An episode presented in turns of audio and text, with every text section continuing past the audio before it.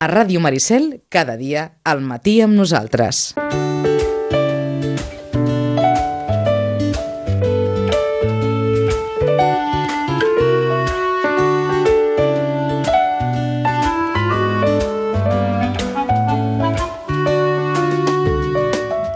Kept complaining, sitting in the sofa, pretending everything's fine. You know that you got me waiting, you got me looking to see the metamorphose. No need to kill a dragon, save a princess. No need to Les 9 i 54 és hora del menja sa. be a bit curious, travel around and get somewhere else. Un espai que fem, ja ho saben, amb Jaume Jiménez, nutricionista responsable del Servei de Nutrició del Sorli, el nostre nutricionista, nutricionista de capçalera. Molt bon dia, Jaume. Hola, bon dia, què tal? A punt pel Carnaval? Sí, tot preparat ja, tot ja... Tinc que recollir les últimes cosetes, però ja ho tinc preparat. Ja ho tenim tot a punt. Avui parlarem d'un tema interessant, jo diria que per aplicar un cop passat Carnaval, eh? Potser aquests no serien els millors dies per començar eh, a aplicar eh, el pla nutricional del que avui ens parlarà en Jaume, eh, un tema que ell ja va postejar l'altre dia al seu, al seu Instagram i que mm, em va semblar interessant sobretot perquè d'entrada és fàcil, no? I fàcil i senzill de, de, de comprendre i sembla també senzill, senzill de, eh, de posar en pràctica, és a dir, no té gaires complicacions. I no sé, abans d'entrar en el plan concret, Jaume, si eh, és important que qualsevol estratègia nutritiva, no? eh, de cara, pensada de cara a la família fins i tot, sigui fàcil d'entendre i senzilla, no? que no requereixi gaire complicació, perquè aleshores igual, eh, si ens ho posen molt difícil, la cosa es fa molt pujar damunt. Sí, sobretot perquè bueno, tots anem molt liats, tots tenim moltes coses a fer i quan parlem de eh, fer alguna conjunt que impliqui a diversos eh, membres de la família, quan més fàcil i més planer sigui, doncs millor per tots, sí que és veritat. Uh -huh. Parlem d'una un, estratègia, eh, comentaves tu, eh, que es va publicar a l'abril del 2016 i que va rebre el nom de Family Power. Ah, exacte.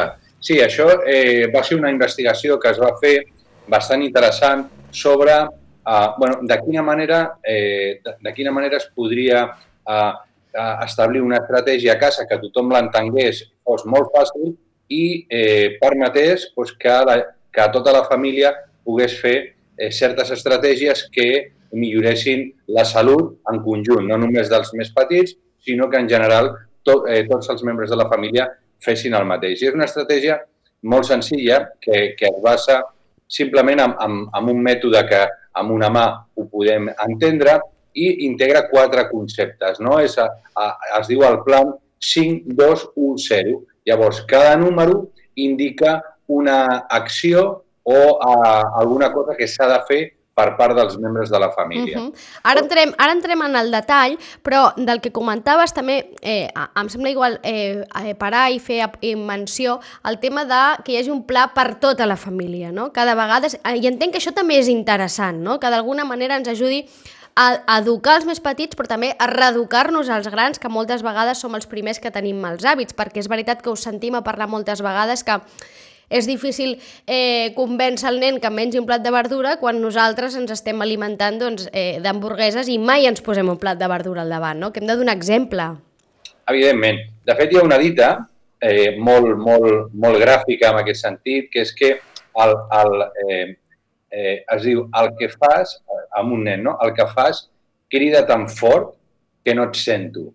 O sigui, és, és molt gràfic, no? Perquè uh -huh. el que fem els pares i les mares eh, és tan fort, és tan potent com a, com a missatge que per molt que li diguem als nens que mengi això, mengi l'altre, ha de fer més esport, el que jo faig, o sigui, és realment eh, el que el nen percep. No? Per tant, hem de tenir en compte que si volem que els nostres fills es moguin que els nostres fills mengin més fruita i més verdura, com tu deies, Carola, eh, hem de començar a fer-ho nosaltres, perquè si volem que sigui un projecte a llarg plaç, eh, hem de canviar també nosaltres. I és el que volem, eh? al final és el que volem, que sigui un projecte de per vida, un projecte, uns hàbits de vida Això no significa que hi hagi moments i moments, eh? però al final són hàbits de vida que ens han d'acompanyar al llarg de tota la vida, ja ho sabem, que si tot va bé, la vida és molt llarga.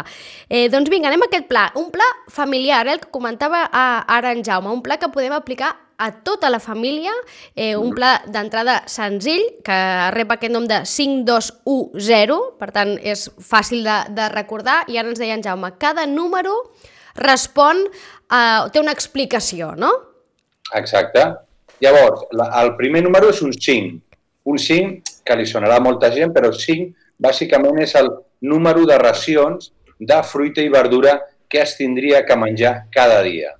Entre, perquè això sí, sí que hi ha certa confusió, la gent pensa que ha de prendre 5 peces de fruita al dia i no és ben bé així, sinó que les 5 racions amb la mà són entre fruita i verdura. Per tant, eh, tot el que ens apropem en aquests 5 ja ho estarem fent molt bé. Tampoc ens hem d'agobiar de voler-ho fer tot el primer dia perfecte, perquè tots els canvis s'han d'anar fent a poc a poc. I això és important perquè molta gent diu, home, clar, jo no menjo mai, menjar cada dia cinc racions de fruita i verdura, evidentment cadascú, cada família, ha de trobar les seves motivacions, les seves estratègies, però l'objectiu final tindria que ser com a mínim arribar a aquests cinc, no? Uh -huh. Fruita i verdura, cada dia, poc a poc i al final aconseguir aquest objectiu. Que eh? d'entrada algú li pot semblar que és difícil, però no és tan difícil, no? En el fons, amb una rutina més o menys mm, habitual, cinc peces o cinc racions de fruita i verdura, més o menys les podem eh, menjar fàcilment, perquè només que Clar. mengis, que brenis o que mig matí o mitja tarda facis peça de fruita i en tens dues. Si fiques verdura per sopar o per dinar una mica, una mica de verdura, ja has fet quatre racions. Per tant, realment no és tan difícil, tot i que el que deies, eh, si hi ha algú que, no, que em faci cap, que no intenti passar de 0 a 5, no? És a dir, que vagi introduint jo, a poc a poc. Jo sempre dic que, per exemple, un tomàquet amanit ja és una ració de verdura. Un parell de pastanagues ratllades ja és una ració de verdura. O sigui, que amb poqueta cosa ja podem fer. Eh? O sigui, els adults podem menjar una mica, els nens amb menys quantitat ja es considera una ració de verdura.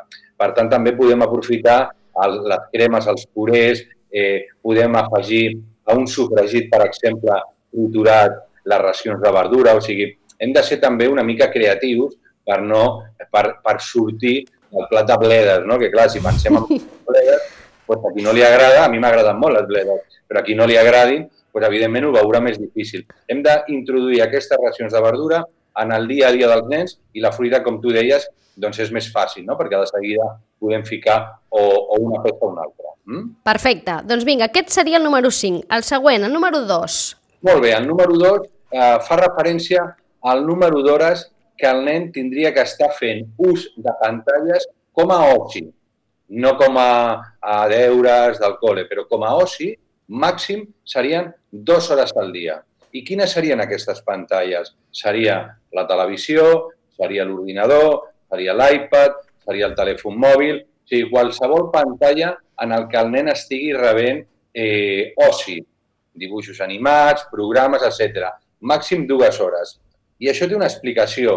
Té una explicació per què?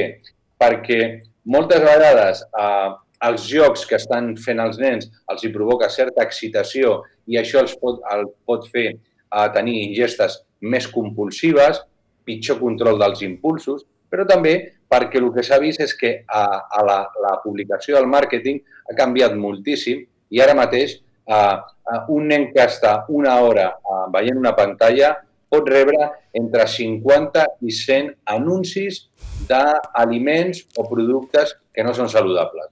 O sigui que hem de limitar al màxim les hores de, de, de pantalla. Uh -huh. mm? De fet, eh, el gran Julio Basulto, eh, que és eh, company de professió d'en Jaume i, i, i un gran eh, nutricionista, sempre diu que tot allò que anuncien per la tele que es menja mm, no és saludable.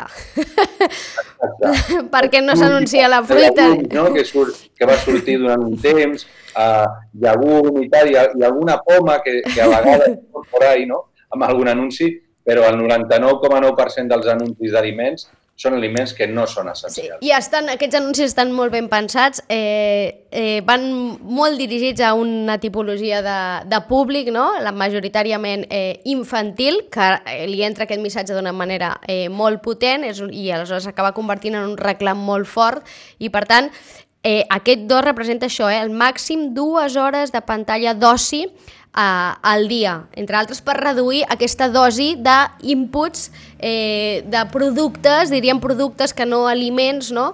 Eh, malsans o insaludables, no? que, i per tant, d'alguna manera desconèixer, perquè al final mm, molts d'aquests productes, si no els veiessin anunciats, ni tan sols sabrien que, existi que existeixen, perquè els nens no van a comprar, no són els que compren, no? Ni molt menys. De fet, pensa que es considera que en una gran superfície eh, eh, hi ha aproximadament una mitjana de 8.000 productes diferents, vale? 8.000 productes diferents, i la vida mitja d'aquests aliments, o, sigui, o d'aquests productes, oscil·la entre els 3 i els 5 anys. Què vol dir? Que per molt que fem una labor pedagògica d'educació, eh, moltes vegades, al cap d'un temps, aquells aliments ja no hi ha, ja no hi són, i són altres. O sigui, que la labor de eh, conscienciació i d'educació l'hem de tenir sempre perquè les grans superfícies on venen tots aquests productes ja s'ho saben i van canviant els productes, els van col·locant i el màrqueting eh, alimentari ha virat molt, o sigui, les grans inversions de, de calés que es feien abans a la televisió, ara s'està fent per altres vies. Eh, només has de veure YouTube, has de veure Instagram, sobretot amb els perfils, no? que saben amb aquesta segmentació que es fa, amb aquest famós algoritme, eh, bombardegen sistemàticament amb, amb productes i aliments que no són recomanables en aquesta població tan sensible. No? Mhm. Llavors, està veient eh, o està amb certa excitació veient alguna cosa i li estan arribant missatges constantment amb, amb colors eh, forts, eh, relacionant eh, tot allò que experimenta el nen com a plaer amb aliments normalment més rics en greix, més rics en sucre. Mhm. O sigui que hem de limitar també les pantalles. Uh -huh. I, Carola, perquè també ho fem nosaltres com a adults, Sí, eh, sí. que dèiem. Clar, si jo estic tot el dia amb el mòbil, difícilment li podré dir al meu fill que no estigui més de dues hores, no? O sigui, hem de, hem de, hem de prendre consciència de lo que nosaltres estem fent i, i el que nosaltres volem als nostres facin. Sí, sí, recordem que és un pla eh, familiar, eh? és a dir, és la, la idea és que això eh, ho pugui aplicar tota la família, no? després adaptant-ho al seu ritme, a les seves eh, necessitats, perquè no, entenc que no cal ser rígid al 100%, però la idea és que això sigui un pla familiar i, per tant, si li demanem al nen que màxim dues hores d'oci a la pantalla, després els, pa els pares no anem tot el dia amb el mòbil enganxat mirant també l'Instagram o, o les altres qüestions. No? Vinga, seguim pel següent número. Hem dit el 5, el 2, l'1.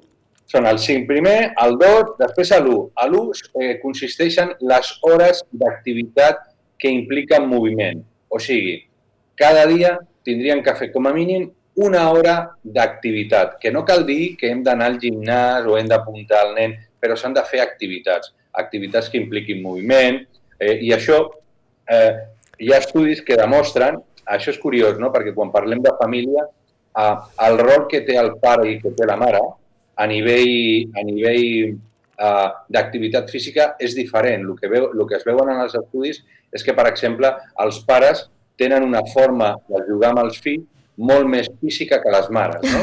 Les mares tenen eh, una, una activitat més intel·lectual, no? diferent, i aquí bueno, tenim que uh, aprofitar això justament perquè els pares també doncs, s'impliquin en l'alimentació i en l'activitat, i les mares, que també fan aquesta activitat, però també potser més intel·lectual, s'afegeixin i incorporin aquesta activitat amb més moviment. Amb una horeta al dia tindríem prou. Uh, aquí vivim a Sitges, i Sitges és un lloc mm, meravellós per viure, estem d'acord, no? Uh, però clar, la gent que viu a ciutats és difícil trobar llocs on, on poder tenir una activitat, els parcs i tot això, no? Però hem de buscar, ara que comença el bon temps, sortir, fer activitats i amb una horeta al dia seria meravellós. Ja seria lo- l'aconsellable. I entenc que una horeta al dia, potser en alguns casos, sobretot pensant en, en això, eh, en gent que visqui potser en, en, en altres localitats on, eh, on el desplaçament sigui més complicat, potser eh, simplement reduint o baixant una parada, una parada abans de l'autobús, no? o reduint o eliminant eh, el, la, la moto o el transport públic no? o el cotxe i substituint-lo per les cames. No? Dius, doncs avui vaig caminar en aquell lloc, ja ho aconseguiries, no? Mitja hora d'anada i mitja hora de tornada i has fet, ja has fet l'hora. Exacte, pujar per les escales, no pujar per l'ascensor, no? totes aquestes cosetes que, que al final del dia poden sumar tranquil·lament una hora. No cal fer una hora seguida. No? Si fem una hora seguida, perfecte. Però si no podem fer-la per, per el motiu que sigui, bueno, sumem, anem sumant i al final doncs, farem una activitat d'una hora. També, si, si els nens durant la setmana poden incorporar alguna activitat física amb una miqueta més d'intensitat, això també és positiu, perquè eh, sabem que les xifres de sobrepès infantil Sí. són molt elevades i gran part d'això té a veure amb l'oci d'avui dia, no? l'oci eh, més sedentari, també el tema del Covid ha, ha condicionat molt tot això, però eh, hem de fer activitat, però també incorporar a la setmana alguna activitat que impliqui eh, cert nivell de fatiga, perquè així trobarem un equilibri interessant i ajudarem els nens a tenir bons hàbits i també els pares i les mares, evidentment. Mhm, Per tant, alguna extraescolar relacionada amb l'esport amb l'activitat física, si més no, eh? No necessàriament un, un esport, però potser sí eh, l'activitat física, que entenc a més que això és un, també saludable a nivell cardiovascular, no? És a dir, que hem de Exacte. recordar no? que el, el cor és un múscul i també se l'ha de treballar, eh? És a dir, i, i és important que des de petits aquest cor s'acceleri, freni i d'alguna manera em, treballi perquè és un múscul. Si no, si no l'ensenyem mai a, a revolucionar-se, eh, el dia que has de córrer per anar a buscar l'autobús pateixes. Exacte. Per això dic que hem de, hem de, hem de participar. A part, l'esport és algo tan, tan interessant que també es pot fer en família. O sigui, Sí. és algo que socialitza molt, estableix més vincles no? entre els membres de la família i ho podem fer. Podem fer bici, podem anar a caminar, podem anar a córrer, podem fer pàdel, podem fer infinitat d'activitats i hem d'involucrar a tota la família. No? No, això de me'n vaig amb el pare i la mare es queda a casa, no, no. I la mare que vingui també o que el pare eh, eh, faci activitats que, que integrin a, a la mare. No? Hem, de, hem de buscar això perquè tots ho fem, perquè això és el que eh, farà que el nen o la nena doncs, tingui uns hàbits més, i vulgui fer-ho. No? Per què? Perquè serà amb el seu pare, amb la seva mare o amb la seva àvia. Eh? O sigui, quan parlem de famílies hem de tenir en compte qualsevol tipus de família avui dia. Eh? Mhm. I, I entenc que també perquè el tema de l'activitat física hi haurà gent que li motivarà, hi haurà gent que no. Per tant, si es fa en grup, en aquest cas, si es fa en família, poden haver altres motivacions paral·leles que l'ajudin no, a tirar endavant amb una activitat física, com pot ser doncs, una conversa. No? És a dir, vaig a fer una passejada amb la família, doncs estic una estona conversant amb els meus pares i, fin, i, i fins i tot t'oblides que el que estàs fent és moure't. No? I, eh, per tant, s'han de buscar altres motivacions perquè hem d'entendre que igual no a tothom li agrada fer esport. Vinga, el següent número, el 0. Bueno, i, i ja l'últim seria el zero, que fa referència a la quantitat de begudes ensucrades i jo afegiria sucre eh, que el nen o la nena hauria de consumir, o sigui, zero. Intentar que això sigui el menys possible. Estem d'acord que vivim en una societat on pràcticament tots els aliments eh, processats i ultraprocessats contenen sucre. Per tant, el que hem d'intentar és reduir al zero. I jo normalment el que els dic als pacients és el mateix que amb la fruita i la verdura. Si tenim una, una, molt, una alimentació molt dolenta, el que hem de fer és anar reduint a poc a poc, no intentar d'un dia per l'altre treure absolutament tot perquè això no funcionarà. Però anar reduint i l'objectiu final tindria que ser zero sucres. I com aconseguim això? Jo sempre dic, hem de comprar productes que es trobin de forma natural a, a la natura. Quan comprem un producte que no es troba de forma natural, tenim molts números que sigui més ric en sal i més ric en sucre. Per tant, si hem de comprar o si hem de fer salsa de tomàquet, eh, comprar el tomàquet i fer-ho. Si hem de comprar eh, qualsevol altre producte, eh, verdura, per exemple, congelada, doncs comprem la, verdu la verdura tal qual fresca, congelada, i no tindrem problema. Perquè, clar, quan comprem altres productes, aquí la cosa es complica. I és difícil eh, de controlar. Eh, en qualsevol cas, aquest E0, comentaves ara, sobretot begudes ensucrades, i tu ho, ho, ho estenies no, a tot el que és eh, sucre. Hi ha algú, hi haurà qui que pugui dir home, però el sucre també és necessari. Entenc que no aquest, no? Que hem de, aquí és quan hem de saber diferenciar les tipologies de sucres. Exacte, o sigui, quan parlem de sucre, parlem de sucre afegit en un aliment. Evidentment, la, la fruita conté sucre, però és un sucre saludable. Aquí, quan parlem d'això, tindrem que parlar de begudes ensucrades, eh, sucs de fruita, eh, tot això que Galetes, porta... totes aquestes qüestions. Exacte. Carola, m'agradaria dir una dada Digues. la, realment que va molt lligada amb això dels sucres, eh, com a mínim preocupant, no? i és que el consum a Espanya de bolleria industrial l'últim any ha pujat un 6,9%. O sigui, eh, hem de fer feina, hem de tenir eh, clar les coses. Per què? Perquè al final la bolleria industrial és una font brutal de sucres, de greixos i, eh, evidentment, pot, pot predisposar tant a pares com a mares i nens a patir pues, sobrepès i altres malalties vinculades. Una dada preocupant que ens ha de fer continuar fent pedagogia, donant informació i que la gent sàpiga quins aliments poden ser millors o pitjors. Però no és una bona dada, la veritat que no és una bona dada. No, no, i més quan les dades d'obesitat infantil també en aquest país són bastant alarmants i van en, en creixent, eh? van increixent, és a dir, any rere any eh, augmenten. I aquí potser també hauríem d'explicar de, que quan parlem de bolleria industrial la gent igual es pensa que només és un producte, però és que no, aquestes galetes que diu galeta amb més fibra, no sé què, xocolata 0 per 0, també és bolleria industrial, això també és. Palitos de no sé què, també. Pa, clar, no vull dir, aquest pa de molla que tothom sap, blanc, no sé què, també és bolleria industrial, eh? que és que és molt, molt, està molt, molt extens, o sigui, molta gent consumeix, per exemple, aquest pa, eh, moltíssima, sobretot la canalla, i, um, i, i, i clar, eh, probablement no associen o, no, o, o senten que no és un producte eh, tan malsà com, jo que sé, com algun altre, no? Doncs sí, també l'és. Per tant, hem, hem, hem d'anar en compte i clar, això requereix, entenc, un esforç moltes vegades pels pares i les mares de, de vegades pensar una mica més sobretot alternatives a esmorzars i berenars, no? que és el que, on acaben caient sempre tot aquest producte, oi? Aquí ve el problema, sí, aquí ve el problema. El que passa que també hem de tenir en compte que Uh, una galeta és bolleria, com tu ben deies. Una galeta, per molt que posi digestive, per molt que posi uh, rica en fibra, és bolleria industrial. Clar, llavors aquí tenim una mica el dubte de dir, bueno, doncs ho preparo jo a casa, jo faig bolleria. Clar, eh, si fem a casa bolleria, uh, podem controlar més els ingredients, estem d'acord, no? Però això no treu que no sigui un producte que també porta molt més sucre del que seria recomanable.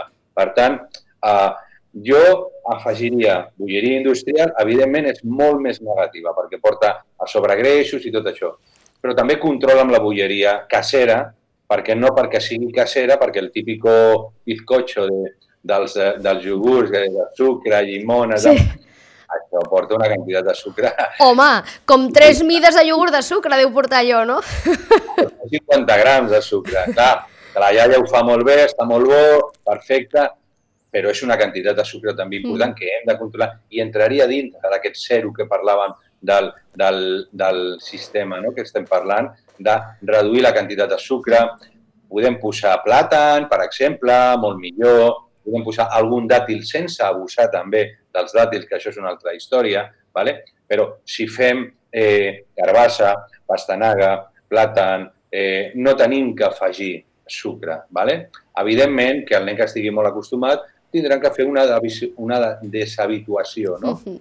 Però és possible i avui dia es pot preparar producte molt bo, pràcticament sense sucre. Està clar que hem de reeducar-nos tots plegats en això eh, del sucre, que el tenim molt interioritzat, i l'objectiu, com bé deia en Jaume, és zero ara que ningú s'alarmi, tampoc passa res si un dia es mengen una galeta. Per l'aniversari poden fer vostès el pa de pessic aquest, que està boníssim, i gaudir-lo. Però la idea és que en el dia a dia no, i mirem d'aplicar aquest pla, aquest 5-2-1-0, aquest, aquestes 5 racions de fruites i verdures, aquestes dues hores màxim de consum de pantalla al dia en, en temes d'oci, aquesta hora mínima d'activitat eh, diària i aquest 0 eh, nombres de mm, sucres o productes eh, ultraprocessats que sabem que tenen molts sucres, com per exemple les begudes ensucrades. I un consell bastant savi que dieu tots els nutricionistes és si no ho compres, no ho menges. Ah, exacte. Que és bastant fàcil, no? I a més estalvies dinerets. Mira, li podem buscar, li Exacte. podem buscar objectius. Si no comprem llaunes i no tenim una, un safreig ple de llaunes a casa, de begudes ensucrades, doncs difícilment les veurem, no? Això no significa que algun dia en podem prendre, no? Però, si més no, no a diari, que no sigui una cosa diària. Exacte. Totalment d'acord, Carola. No, jo no, no ho hagués dit millor. No és meva la frase, eh? No sé si també és del Julio Basulto o d'algú de vosaltres que en sabeu eh, moltíssim. Jaume, moltíssimes gràcies. A vosaltres per la invitació. Ens veiem aviat. Bon carna... I, abraçada. bo... I bon carnaval. Gràcies, igualment. Adéu. Adéu-siau.